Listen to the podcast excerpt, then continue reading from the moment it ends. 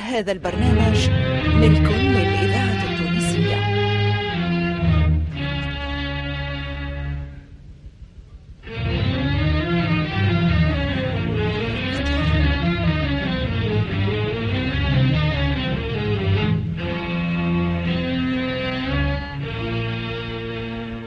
سهرات لا تنسى.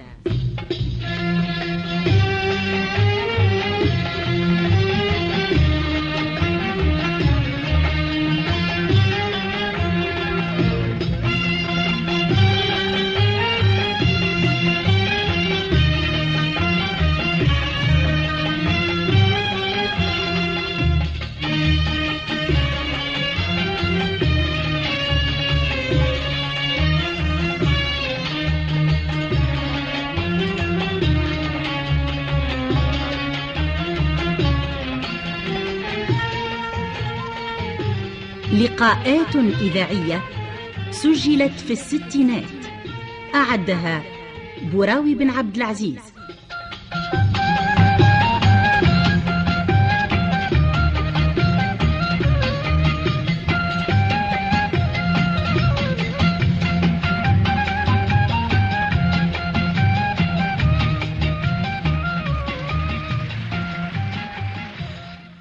سيدتي أنستي سادتي السلام عليكم ورحمة الله وأسعد الله أوقاتكم وسهرتكم. أهلا بالمسامر سي العروسي المطوي وأهلا بالسمار جميعا. مرحبا بكم ستي. أهلا وسهلا. سي العروسي الليلة شوح لنا برشا أخوان. إلى جانب الأخوان اللي حضروا معنا هناك بعض رسائل. تو سيدي الكلمة نعطيوها للي يحب ياخذ الكلمة من الأخوان. وتقريبا آه، توافقوني جميعا أن نعطيه الكلمة للأخت زينب بن منصور. سؤالي اللي باش نلقيه على سي العروسي هو أود أن يبدي لنا برأيه عن تقدم المرأة التونسية في ميدان الأدب. في ميدان الأدب. تفضل سي عروسي. آه، شكرا للأخت على سؤال هذا لأن هذا السؤال هو جدير أو كثيرا ما خامر أذهان. المشتغلين بالأدب في تونس. ونتذكر أني لما كنت مشرف على صفحة أدب وثقافة جريدة العمل آه، أبرزنا عدد خاص يبحث عن أدب المرأة التونسية وفيه أيضا بعض إنتاج لبعض الأديبات التونسيات. الواقع بكل صراحة أن ال- الإنتاج النسائي التونسي جاء متأخر. لا بعض الشيء وإنما متأخر كثير عن مسايرة المرأة التونسية للرجل في هذا الإنتاج بالرغم أو بقطع النظر عن قيمة الإنتاج التونسي في مختلف أطوار عصرنا الحديث. لكن ثم أمل كبير في أن تزول هذه الظاهرة وأن تلتحق المرأة بالرجل في ميدان الإنتاج الأدبي وأن تسيره وتنافسه وتزاحمه كما هي أصبحت مشاركة للرجل في مختلف الميادين. آه، الظاهرة تبشر بخير الموجودة حاليا لأن في الواقع منذ عشرات السنين ظهروا بعض فتيات أو بعض نساء كتبنا شيء من الشعر أو شيء من القصة لكن في فترات منقطعة وبدون استمرار. لكن اللي لاحظوه اليوم بالأخص في الفتيات والشابات أن ثم مواصلة من ناحية ثم ثم جرأة من ناحية ثانية. ما يمكنش نستحضر كل الأسماء اللي يمكن ذكروهم في هذا السمر الليلة لكن أذكر على سبيل المثال زهرة جلاسي وجليلة المهري ونايل ذهب وفاطمة عجال قديما. هذه التي لم تواصل هذا ما كنت أعنيه أن بعض الفتيات في السابق أو بعض النساء في السابق شرعنا في الكتابة ولكن دون مواصلة دون استمرار. ممكن الظروف ما ننساش الظروف الاجتماعية آه، كانت تختلف بعض الشيء. آه، ممكن أيضا ميدان النشر كان يختلف آه، بعض الشيء. لكن المهم أن الظاهرة هذه أو ال- الفتيات ال- الحاليات ثم فيهم عزم على المواصلة والاستمرار. كما ثم الجرأة وأعني ليست ال- الجرأة من الناحية كما نقول النفسية والأخلاقية إنما حتى جرأة من ناحية ثانية هذه تمثل خاصة في إقدام الأخت ليلى بن مامي على أن تطبع أول مجموعة قصصية نسائية ظهرت في تونس. هذا بالإضافة إلى آه، أخريات مثل هند عزوز. آه، كذلك أيضا نذكر بادرة آه، ظهور الشعر على لسان الفتاة التونسية. نذكر مثلا ديوان حنين للأخت زبيدة بشير اللي هو بمثابة الصومعة تحترق لليلى بن مامي حيث كان أول ديوان يظهر لشاعرة تونسية. وأعتقد أن المستقبل سيكون أكثر إنتاج وازدهار بالنظر إلى شمول المعرفة والتعليم ومشاركة المرأة التونسية خاصة في الميدان الجامعي في التعليم الجامعي. فإن هذا من شأنه أن يوفر ما كنت أقوله بالأول من أن في القريب ربما سنجد المرأة تشارك الرجل وتماشيه في مختلف ميادين النهضة التونسية. وشكرا للأخ مرة أخرى على أنها أثارت هذا السؤال. آه، ملا الأخت زينب ما عندكش ما تناقش سي العروسي ولا حاجة؟ ها؟ لا لا.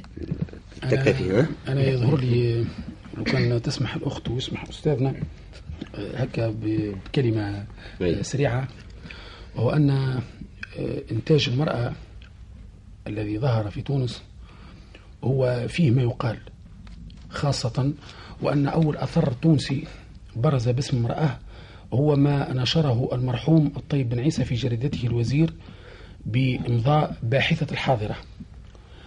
وهذه باحثة الحاضرة كان يقال بأنها زوجة الشيخ الطيب الله يرحمه.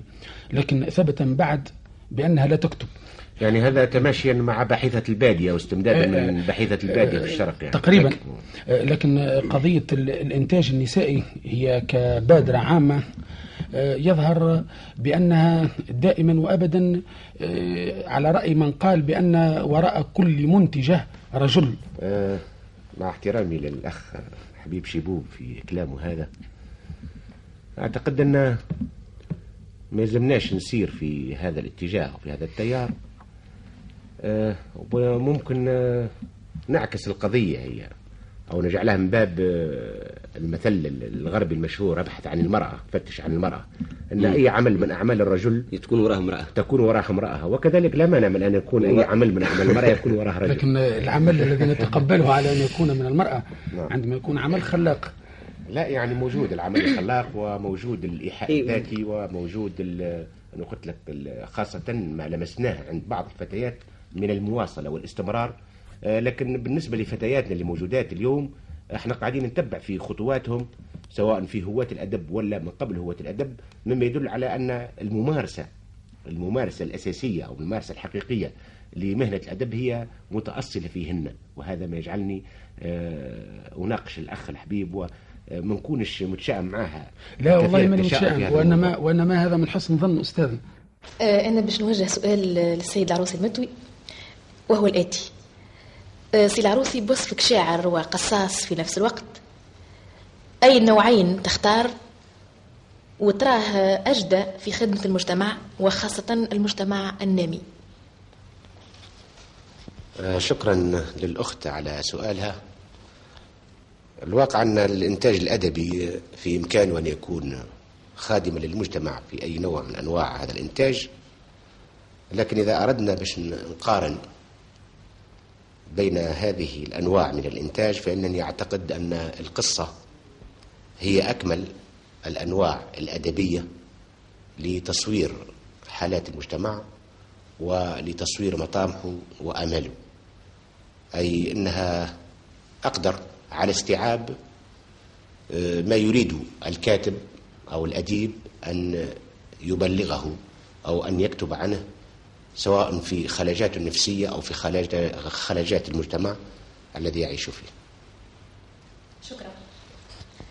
آه والله قبل ما نتعداو للسؤال الآخر آه أخت السيدة ماذا بينا هكا؟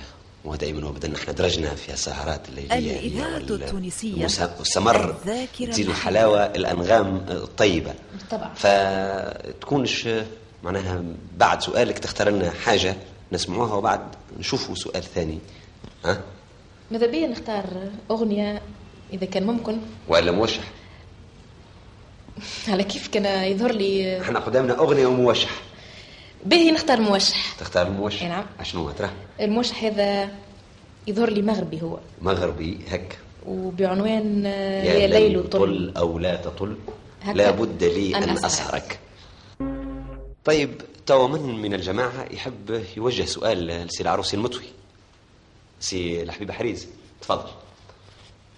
أه، نحب نسأل الأستاذ العروسي على قضية الالتزام في الأدب.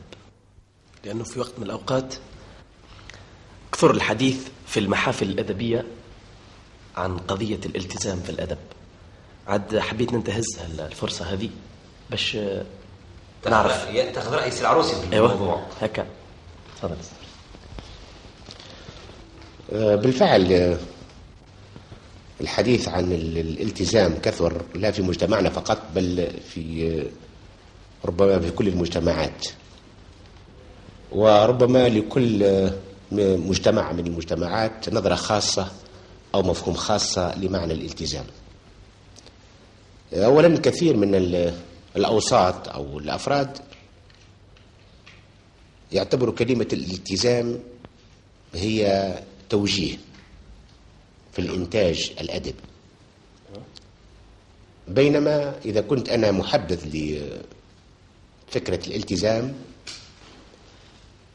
هي ليس معناها الإلزام أو التوجيه بل هي المسؤولية التلقائية اللي يشعر بها الفرد ليكون عمله الأدبي في خدمة المجتمع. خاصة وأن ممكن نطلب من عالم من العلماء أن نلزمه وأن نوجهه في إنتاج شيء من الأشياء المادية اللي بعيدة عن الإنتاج العاطفي أو ما هو لاصق بالعاطفة ممكن يأتي بنتيجة. ولكن اللي باش ينتج إنتاج متمازج مع عاطفته منبعث من ذاته من تفاعله مع المجتمع اللي هو فيه أو العالم اللي يعيش فيه. إذا كان نفهم كلمة ال- الالتزام هي الإلزام والتوجيه ما أعتقدش أنه يأتي بفائدة ما عادش جدوى فعلا. ما عاد الجدوى ما, ما, يأتيش بفائدة لأنه ما يحملش ال- الجاذبية أو الروح الحقيقية للإنتاج الأدبي. لكن لما ندعو إلى الالتزام في تونس خاصة إنما ندعو إلى مساهمة المواطن في أن يتفاعل مع المجتمع أن يعبر عن مطامحه وعن أماله أن يعيش معه. خاصة وإحنا نمر بوضعية خاصة. بالفعل يعني, يعني نحن نطلب الإنتاج وحسن الإنتاج من في كافة القطاعات آه، في الأدب كذلك مطالبتنا للأدباء والشعراء والمنتجين في هذه الناحية أن يكونوا واعيين للمجتمع متاعهم معبرين عن تفاعلهم معه. وليس معنى هذا أننا ننكر ال- الأديب غير الملتزم. الحرية في الأدب. الحرية في الأدب لكن على أساس أن تكون مبنية على أصالة وعلى السمو الإنساني لا على التفسخ أو الترهل أو ال- الذاتية ال- المغلوقة المقوقعة اللي ربما ما ما تأديش إلا معنى يطفو. منحصرة في فردي فردي ذاتي. آه، فردي لكن في إسفاف لكن في إسفاف. آه، مهما كان الإنتاج الأدبي سواء كان ملتزما أو غير ملتزما الشرط الأساسي فيه هو الأصالة. والأصالة هي أساس الخلود لأنه بدون ذلك لا يمكن أن يخلد أي أثر آه، ما لم يكن متأصلا في ذلك. ولهذا فمعنى الالتزام هو ال- الشعور بالمسؤولية التلقائية من المواطن المنتج في أن يعبر عن تفاعله وعن مطامح الشعب بتاعه. شكرا. يظهر لي آه، أختار. جاء قلت دورك شكرا لي. اختيار الأغنية. اتفضل يا سيدي. طبيعة شنو اللي اختارها؟ أنا نختار أغنية آه، نجاة صغيرة القريب منك بعيد. طيب يا سيدي عودة إلى الأسئلة وإلى السمر مع مسامرنا الأستاذ محمد العروسي المطوي والسمر مع الأستاذ يطيب خاصة في الجو المليء بال- بالتطريب. والمزيج من الكلمة الحلوة الكلمة الجميل. نعم. طبعا نظن جاء دور آه، زميل عبد القادر حاج نصر. الحاج نصر. تفضل عبد القادر. آه بيع أنا من قبيلة ما تكلمتش حتى كلمة تو. مرحبا بك. تكلم برشا كلمات. آه سلعروسي آه آه نوجه لك سؤال. وأنا في آه الوقت هذايا مع في الفترة هذه آه في خصوص الأدب كثر الحديث عن مشكلة من المشاكل. وهي آه الذاتية في الأدب. وأن الإنتاج التونسي الأدبي ربما انحدر إلى مستوى الذاتية وغرق فيه. آه، عاد أنت من خلال مباشرتك نادي القصة مثلا وحتى نادي الشعر والنادي الثقافي أبو القاسم الشابي وعيشت التجربة الأدبية قبل الاستقلال وبعد الاستقلال. آه، لابد كانت عندك فكرة فكرة شاملة حول الأدب الذاتي وغير الأدب الذاتي يا ترى الأدب في الوقت هذه الفترة ما بعد الاستقلال هو حقيقة انحدر إلى مستوى الذاتية وأصبحوا الكتاب يميلوا للطريقة هذه وإلا لا؟ تفضل. أنا اللي أخشاه أن يكون تكون إجابتي أخسر من سؤالي. لا وأنا باش ندافع على السؤال بتاعي بالطبيعة تفضل. وقع الحديث هو عن الذاتية مش في الأيام هذه فقط من زمان. وربما الحديث هذا كان من باب الاتهام. والواقع أن الأدب التونسي متهم من زمان بعيد. ويرجع هذا في الواقع إلى شيء من الشعور بالحقارة. يعني ممكن نجم نقارنه حتى بالأشياء المادية. آه، قبل الاستقلال كان الإنتاج التونسي مهما كان نوعه محتقر غير مرغوب فيه باعتباره أنه إنتاج تونسي. وباعتبار أن الإنتاج من الخارج أحسن وأجمل وأطيب وربما أرخص. النظرة هذه هي كانت مسلطة أيضا على الإنتاج الأدبي في تونس. لكن بكل صراحة ما ما يزال قسم كبير منا ولو تغيرت نظرته بالنسبة للإنتاج المادي وأصبح عنده شعور أو شيء من الاعتزاز بالإنتاج الوطني التونسي وبالدفاع عنه أو باقتنائه وبرعايته وبالاهتمام به. مع الأسف في خصوص قضية الإنتاج الأدبي ما زالت هذه النظرة تسيطر على كثير من الناس باعتبار أن الأدب التونسي مهوش أدب إنساني أو أنه أدب محلي. أو أنه أدب ذاتي. هو إبعاد الذات بصفة عامة عن الإنتاج الأدبي ليس بصحيح لأن كما تحدثنا قبل عن قضية الالتزام أن التفاعل اللي يشعر به الإنسان متولد عن عن بيئة يعيش فيها عن مجتمع فيه تصوير للمجتمع. إذا كان من الناحية هذه ننظر إلى الإنتاج الأدبي نجد أن الذاتية بهذا المفهوم اللي ربما يجعل الأدب التونسي في في مقام المتهم هي بعيدة عنه. بالعكس خاصة أنت ذكرت نادي القصة أو الإنتاج القصصي. نادي القصة اللي, اللي عنده مجلته سواء اللي اصدر في المجلة أو في المجموعات القصصية اللي أصدرها النادي أو حتى فيما هو خارج إنتاج نادي القصة. القصص كلها بعيدة عن الذاتية. ما نقولش أنها كلها مية بالمية بعيدة عن الذاتية لكن أغلب الإنتاج اللي صادر هو بعيد عن الذاتية بمفهوم هذا وإنما هو ذاتية منبثقة عن مجتمع عن تصوير مجتمع وعن تصوير بيئة هي البيئة التونسية والوطن التونسي. بحيث إطلاق الذاتية في هذا المفهوم يمكن تتبقى على بعض من الناس وهم في الواقع قلة. وكيف ما قلنا في الحديث عن الالتزام وغير الالتزام المهم هو الأصالة. تحب حاجة سي حسن الإذاعة التونسية وجه حاجة الذاكرة العروسي. يظهر لي سي الحبيب مزروب شوي. حاب يلقي السؤال نتاعو قبل لا لا مش مسألة مزروب هو في الحقيقة على كل حال أنا نستسمح آه، الإخوان. تفضل. باش نحب نسأل أستاذنا العروسي آه، سؤال آه، في الحقيقة ماهوش آه، عميق وإلا طويل أي باهي أما هو شنو قلل السؤال؟ ودلل. أيوة أستاذنا العروسي معناها في حياته الأدبية عنده جوانب متعدة آه، كاتب قصاص باحث شاعر. مؤلف شاعر وأنا اللي يهمني بالنسبة للسؤال هو موضوع الشعر. هكا آه، اللي نعرف أنا أن أستاذنا العروسي عنده معناها في الإنتاج الشعري ما لا يقل عن ربع قرن بحيث اللي عثرت عليه أنا لتوا عنده 25 عام. ما نعرفش إذا كان قبل ولا لا. أي. في بداية الإنتاج الشعري كان آه، الأستاذ العروسي آه، ينظم الشعر بما يسمى اليوم بالطريقة التقليدية أو آه، نجم نقولوا على أوزان الخليل. الخليل.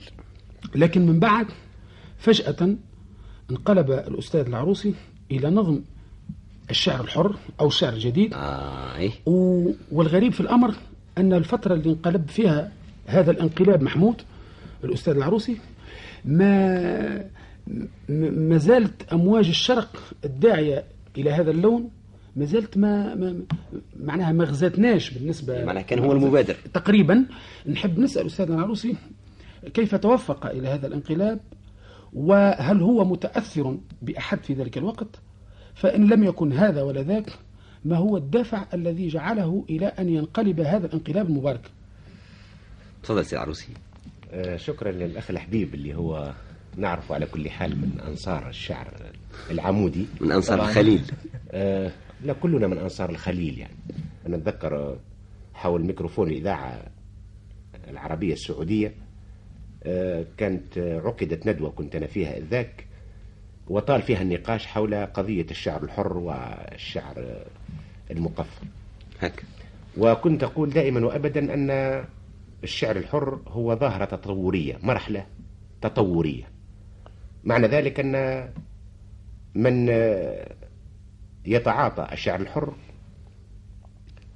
ما يلزموش يعتبر أن هذا الشعر سهل كما يظن كثير من الناس. أو ما يظنوش أنه مرحلة أولية بل لابد من أن يكون الإنسان متضلعا في الشعر المقفى العمودي وبعد ذلك ينتقل إلى أيوه. الشعر المتحرر من القافية. حتى يكون عن قدم راسخة. وهو كذلك. وهذا الشرط اللي يشرطوه كثير من ما نقولش أنا فقط وإنما كثير من المعتدلين في نظرتهم لهذه الظاهرة أنهم يعتبروا الشعر الحر مرحلة تطورية. فإذا كان هو مرحلة تطورية ضروري كما قلت بالأول أنه ما يمكنش كما نشوفه كثير من الناشئة أنه أول ما يفكر باش آه، يعمل الشعر يجي يقيس بالمسطرة وإلا أي. الكلمات. قلت ال- هو مظهر تطور إذن ويمكن أنا آه، نطبق هذا على نفسي. صحيح كما قال الحبيب شبوب أني كنت قلت كثير من الشعر المقفى وكنت أعتبره ذاك في مرحلة مرحلة الإنتاجية الأولى. والأناشيد لبعض الجمعيات وجمعيات رياضية وغيرها. وكذلك وهو كذلك. آه، لكن فيما بعد انتقلت إلى هذا النمط من الشعر الذي أعتبره في المعاناة لا عن. لا عن تأثر بأحد والله هذه مسألة التأثر أنا ما أستطيعش آه، نقول أن سبقت أو سبقت أو تأثرت بفلان إنما ممكن أن نقول في مطالعاتي الأولى كنت مغرم بما يسمى الشعر المنثور. وخاصة لأمين الريحاني وأتذكر أن لعله هو ما يشير الأخ الحبيب أن أول إنتاج ممكن أول إنتاج ظهر لي نشر في الصحافة وأظن في تونس المصورة آه، وكان كانت تلك المحاولة الأولى التي حاولت فيها أن أتحرر من القافية. وموجب التحرر هذا أو الدعوة إلى التحرر هو نعرفوه بلا شك أن أنها قيد القافية ولكن ليس معنى ذلك أن الفن ليس مقيدا الفن عنده قيود وعنده قواعد وعنده مبادئ لكن بعض القيود مثل القافية في الشعر آه، تجعل الإنسان مكبل. آه، في حصر المعنى الذي يريده آه، مكبل كذلك أو يجري وراء الكلمات التي تتناسب مع القافية.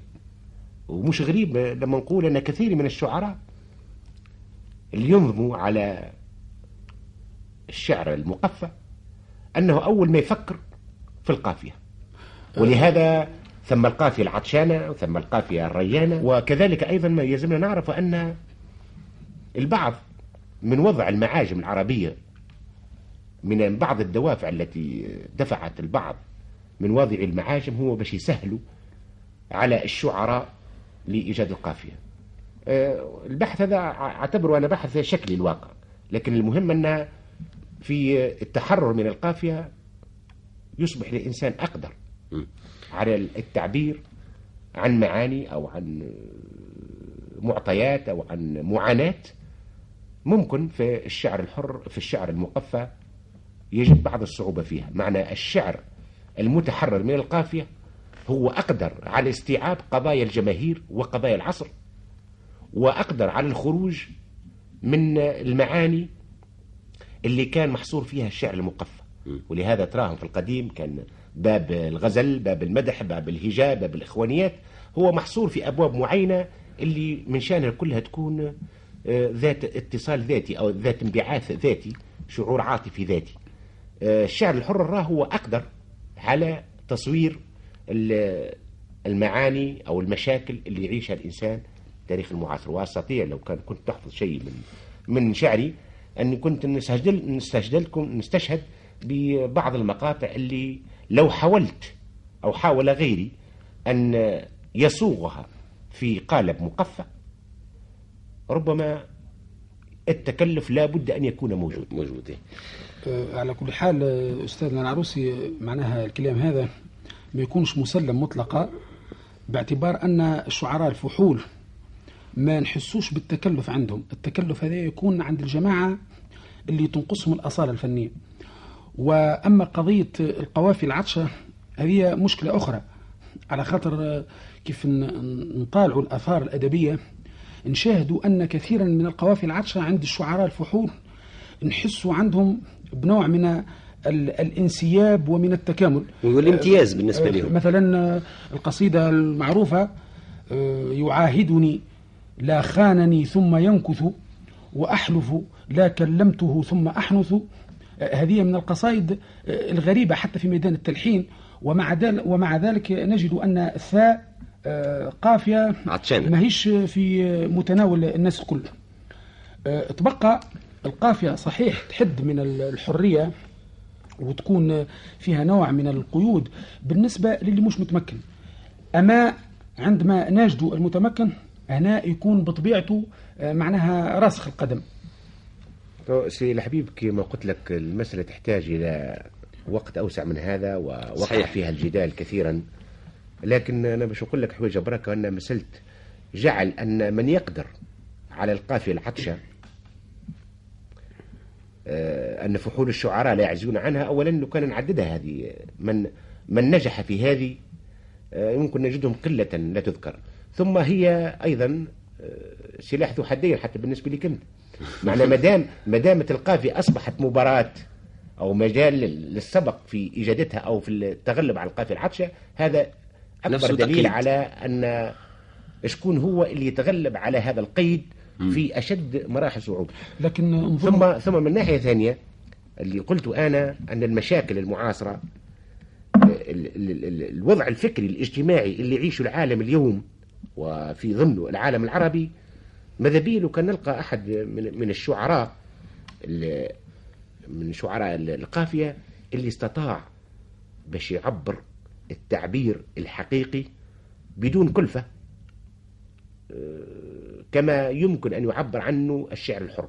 ممكن باش يجيب للرصافي ولا الجواهري مثلا. ولا ال- الجواهري لكن لو ترجع للمعاناة التجربة التي يعانيها كل آه، واحد من الشعراء وتضعها في القالب الذي وضعها فيه الجواهري والرصافي آه، مع القالب الذي وضعت فيه أو التصوير الفني الذي وضعت فيه بجانب الشعر الحر ممكن يتفوق جانب الشعر الحر في هذا تعرف آه، سي العروسي آه، الحبيب شيبوب آه، من شدة إغرامه بال لا هو. أخونا معروف أي. يعني بال بالشعر القديم تو أي. تعرف في آه، جيب جيبوا ها شريط فيه قصيدة للبشارة الخوري نعم. ومصر قال لما نسمعها الليلة ها؟ يغنيها فريد الأطرش. يا حبيبي؟ آه، تو أنت آه، حبيت أنا باش نقول لاستاذنا العروسي باش نقول له باش نسمعك حاجة آه، لشاعر الهجر والضنى باش نوريك اللي أنا فايق بيك أيوة. قبل ما تقول سي العروسي. بمعنى شعر الهجر والضنى هو بشار الخوري الاخ. الصغير. على كل حال ما لا اضنيتني بالهجر ما أظلمك. هذا لقاء آخر. وإحنا كنا أسمرنا مع حضرات السادة المستمعين وخاصة المستمعين اللي حضروا معنا في آه، الإذاعة يعني. نعم. وجهوا لك أسئلة وقع وقعت مناقشتها والواقع كان فما جو كحافل من آه، من صحيح. ال- ال- ال- الأخذ والعطاء. عد الليلة باش نخصوا آه، السمر متاعنا مع المستمعين اللي راسلونا. مش على أساس أننا سبقنا اللي حاضرين. لا لا. إيه. إنما إحنا ما نعرفوا عندهم حق زاد باش تتوجه الأسئلة متاعهم وعلى كل حال كتعذر عليهم الحضور أو نوبهم أنا في توجيه الأسئلة.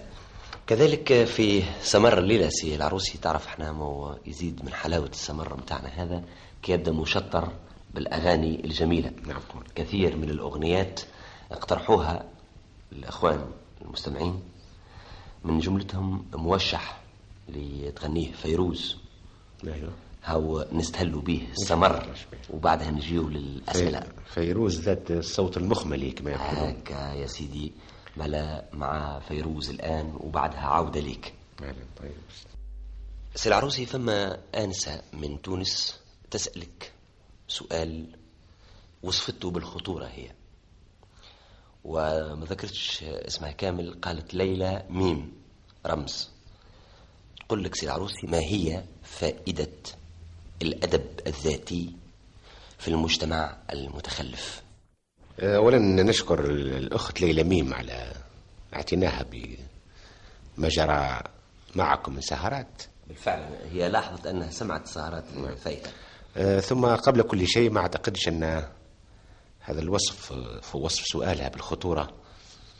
آه، أظن فيه شوية من ال- المبالغة أو المجازفة. آه، بالنظر إلى أن الحديث عن الأدب الذاتي أو غير الذاتي في أي مجتمع من المجتمعات آه، لا يمكن أن نصفه بالخطورة إلا إذا أصبح منذرا بالخطر الواقع أن يصبح خطير حقا ويصبح مرضا آه، بالنسبة للمجتمعات النامية. إذا كان آه، أصبح الطاغي عليها هو الجانب الذاتي وشغلها عن مشاغلها ومشاكلها اليومية ولم يصبح الأدب أو لم يكن الأدب أداة آه، فعالة للنهوض بتلك المجتمعات النامية. أما إذا كان مجرد وجود أدب ذاتي آه، في مجتمع نامي أو في مجتمع تخلف في طريق النمو آه، بجانب ما كنا تحدثنا عنه في الماضي من الأدب الهادف والأدب الملتزم في حسب الحدود اللي تحدثنا عليها في قضية الالتزام. قلت إذا كان وجدنا بجانب آه، الأدب الملتزم والأدب الهادف أدب ذاتي أصيل آه، يتصل ب آه، سمو النزعات الإنسانية والعاطفة الإنسانية فهذا ربما يكون دافعا ومنشطا كسائر وسائل الترفيه البريئة الدافعة إلى الإنتاج وإلى الإقبال على الحياة بشيء من الحماس والإيمان. تحتاج أنه يكون سامحني سي العروسي أنه يكون الأدب الذاتي هنا بمثابة الاستراحة للأديب الملتزم. هذا أنا قلت لك صحيح لكن لا على أساس أن يصبح الأدب الذاتي شغلنا الشاغل. لأنه إذا أصبح الأدب الذاتي شغلنا الشاغل معناه أن ال- ال- رسالة الأدب أصبحت بعيدة تماما عن ما يتطلبه مجتمع نامي أو مجتمع متخلف في طريق نمو. ما يتطلبه ذلك ال- المجتمع من أن تكون للأدب رسالة هادفة آه، تبحث مشاكل المجتمع تسعى إلى آه، إيجاد الحلول له تعرض آه، مطامحه إلى آخره. المهم أن الأصالة إذا وجدت في أدب ذاتي في مجتمع نامي لا على أساس أن يصبح الشغل الشاغل في الإنتاج هو الأدب الذاتي وإنما موجود شيء منه. فأنا لا أعتبره خطرا بل ربما أعتبره شيء شيء ضروري. لأن إذا كان آه، نفرض أن في مجتمع من المجتمعات النامية آه، أصبح أصبحت الهادفية أو أصبح الالتزام آه، ولو كان التزاما تلقائيا ولو كان الهادفية كانت تلقائية لكن إذا كان منشوف في ذلك المجتمع ال- هذا النوع من ال- ال- الإنتاج ربما يظن بعض من الناس أنه آه، ناتج عن توجيه أو عن إلزام كيف ما قلنا في ال- في الحديث السابق. صحيح. بارك الله فيك آه، سي العروسي وتقريبا مع الجواب على أسئلة الآنسة هذه آه، نقدم الاقتراح متاح في من الأغاني. عاد هي تقترح باش نسمعوها أغنية لفريد الأطرش. سي العروسي الآن نأتي إلى رسالة السيد عبد السلام فرحات اللجمي. أهلا به السيد هذا يسألنا سؤالين. نجاوب على السؤال الأول ثم نجاوب على السؤال الثاني بطبيعة الحال إذا كان أمكن. ما لم يمكن الجمع بينهما إذا يمكن الجمع بينهما إيه؟ ما يسالش لا هم على خاطر آه، كل سؤال في ميدان؟ طيب. السؤال الأول في ميدان الأدب. يقول لك كثر الحديث في السنين الأخيرة حول تأثر الأدب التونسي بالأدب الشرقي. فما رأيكم في هذا الموضوع مع إبداء رأيكم في سير الأدب التونسي بصفة عامة؟ الواقع أن اتهام الأدب التونسي بأنه تأثر آه، بالأدب بأدب غير أدب تونسي هذه التهمة موجودة وهي لا تعني آه، التهمة في تهمة التأثير الشرقي فقط بل فيه آه، كثير من الناس من يروا أن آه، الأدب التونسي إما أن يكون مت- متأثرا بالاتجاه الشرقي أو متأثرا بالاتجاه الغربي. لكن ربما وقع الإكثار من توجيه أضواء التهمة على الأدب الشرقي باعتبار أننا في تونس ننتج أدبا عربيا باللسان العربي آه، أقرب ما يكون إلى الشرق. آه، لكن آه، ما أعتقدش أن هنالك أديب أصيل أصبح له مكانته في الإنتاج وفي القيمة أن يكون نسخة أو أن يكون متأثرا بأديب شرقي أو أديب غربي. نعم هذا نجد في كثير من المحاولات وخاصة من الشباب الهاوي أو حتى من في السرقات ال-. التي تأتي للكبار أو للصغار.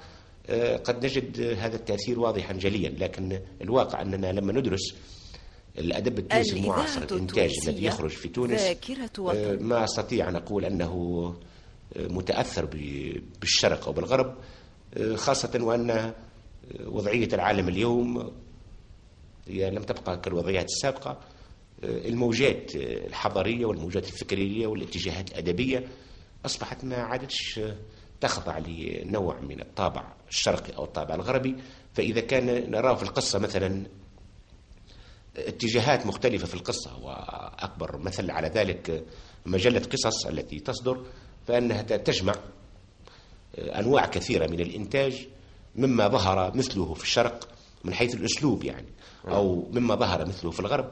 لكن الواقع أن الطابع التونسي أو الذاتية التونسية متأصلة وواضحة في ذلك. فليست المسألة من باب التأثر أو التقليد وأعتقد أن لما نتحدث عن خصائص الأدب التونسي سنجد كثيرا من المميزات لأن بجانب هال بجانب هالتهمة هذه تهمة تأثر الأدب التونسي بال بالإنتاج الشرقي ثم اللي يوصف الأدب التونسي بالقوقعية بأنه أدب محدود في مشاكله محدود في الإطار الفني اتجاهاته. محدود في اتجاهاته إلى آخره بحيث ليس من السهل الموافقة والمصادقة على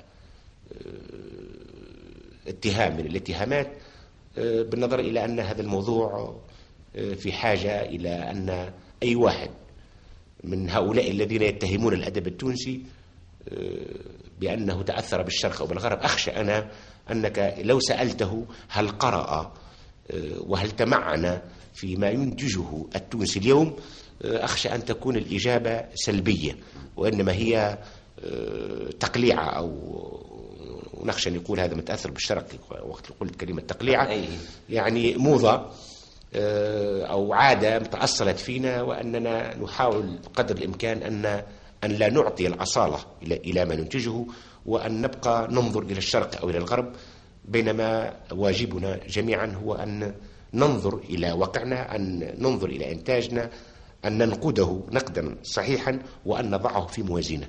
ما إلقاء الكلام هكذا بالتأثر ما نعرفش الأخ على كل حال مع احترامي ليه مدى إيمانه هو بهذا السؤال هل هو ناتج عن اقتناع منه؟ وحبذا لو كان يعطينا دراسات أو أمثلة أو عينات في هذا التأثير أو لمجرد أنه يسمع لو من الناس. يقول كثر الحديث. هنا كثر الحديث كثر هذا الحديث. هذا ليس من النقد الواقع. أي. وليس من باب ويستفسر ويتساءل. وليس مبررا لإلقاء هذه التهمة.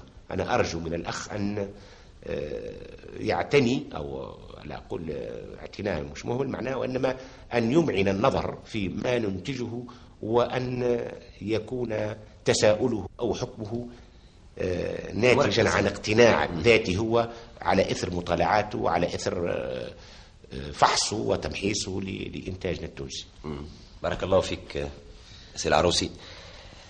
توا سيدي آه، نأتي إلى الشطر آه، إلى التشطير كالعادة. سي العروسي نرجع توا إلى رسالة سي عبد السلام فرحات اللجم. السؤال هذا يتعلق آه، بالأغنية التونسية. يقول لك آه، لندخل ميدان الأغنية التونسية. فهل توافقوننا على أن الأغنية التونسية الآن في ثورة؟ وهذه الثورة تتمثل في انتقالها من الكبت والاستهلاك المحلي إلى الاستهلاك الخارجي والتعريف بنفسها في الأقطار البعيدة والقريبة. ممكن أن أبادر الأخ بأن أن أن القول بأن ال- الأغنية التونسية في ثورة في ثورة هذا إما ناتج عن أمل كبير في تقدير ما يراه أو ناتج عن اقتناع ب عنده بأن الأغنية التونسية في ثورة. رأيي الخاص بدون غمط لإخواننا المغنين والملحنين والمنتجين أن الأغنية التونسية ما زالت بعيدة عن مفهوم الثورة. ونعرف أن الحديث عن الأغنية التونسية أو الرأي فيها أو مناقشتها آه، وقعت عدة مرات. آه، وأعتقد أيضا أنها أن الأغنية التونسية ما زالت ما زالت في حاجة إلى البحث وإلى الدرس بالنظر إلى أنها لم تصل إلى المستوى الذي نأمله لها آه، لا نهاية المستوى وإنما على الأقل إلى مستوى يتماشى مع تطور تطورنا في مختلف المجالات. آه، وأعتقد أن القضية قبل أن تكون قضية آه، كبت ما فهمش كلمة الكبت التي أتى بها. يعني قبل- منصورة هو يحب يقول قبل أن تكون قضية كبت آه، وقبل أن تكون قضية إنتاج هي قضية تلحين. أهم شيء أراه بالنسبة للثورة إذا كان آه، التي نريدها الأغنية التونسية هي أن تكون لنا ثورة في التلحين. آه، نظرا إلى أن المغني هو موهوب آه، الملحن عبقري.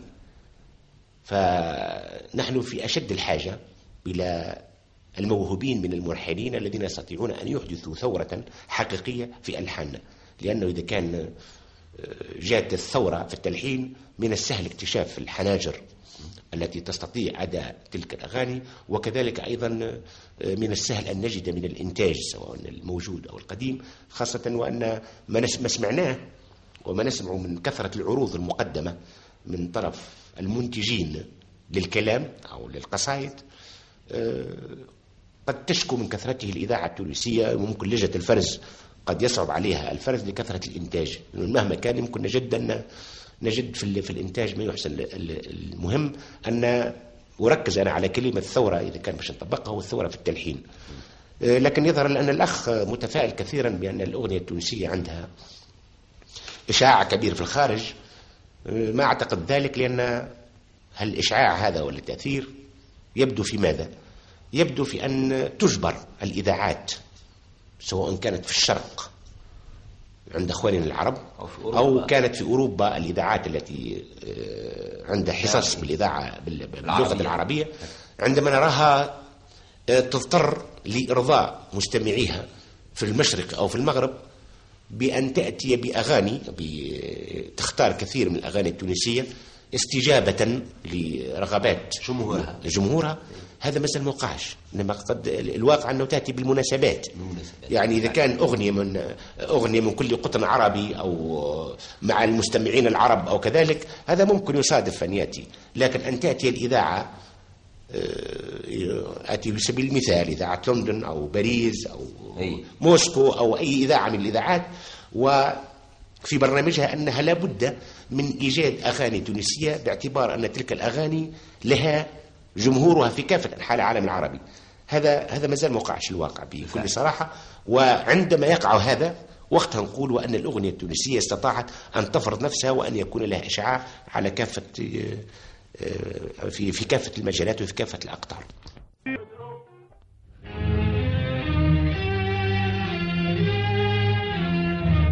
هذا البرنامج ملك للإذاعة التونسية.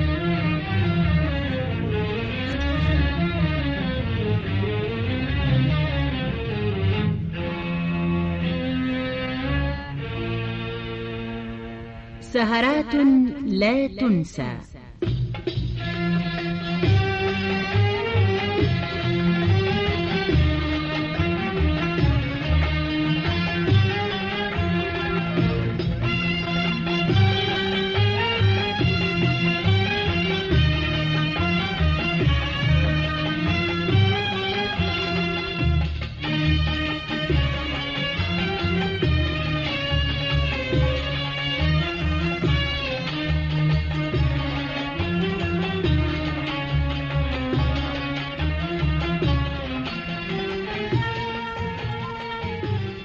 لقاءات إذاعية سجلت في الستينات.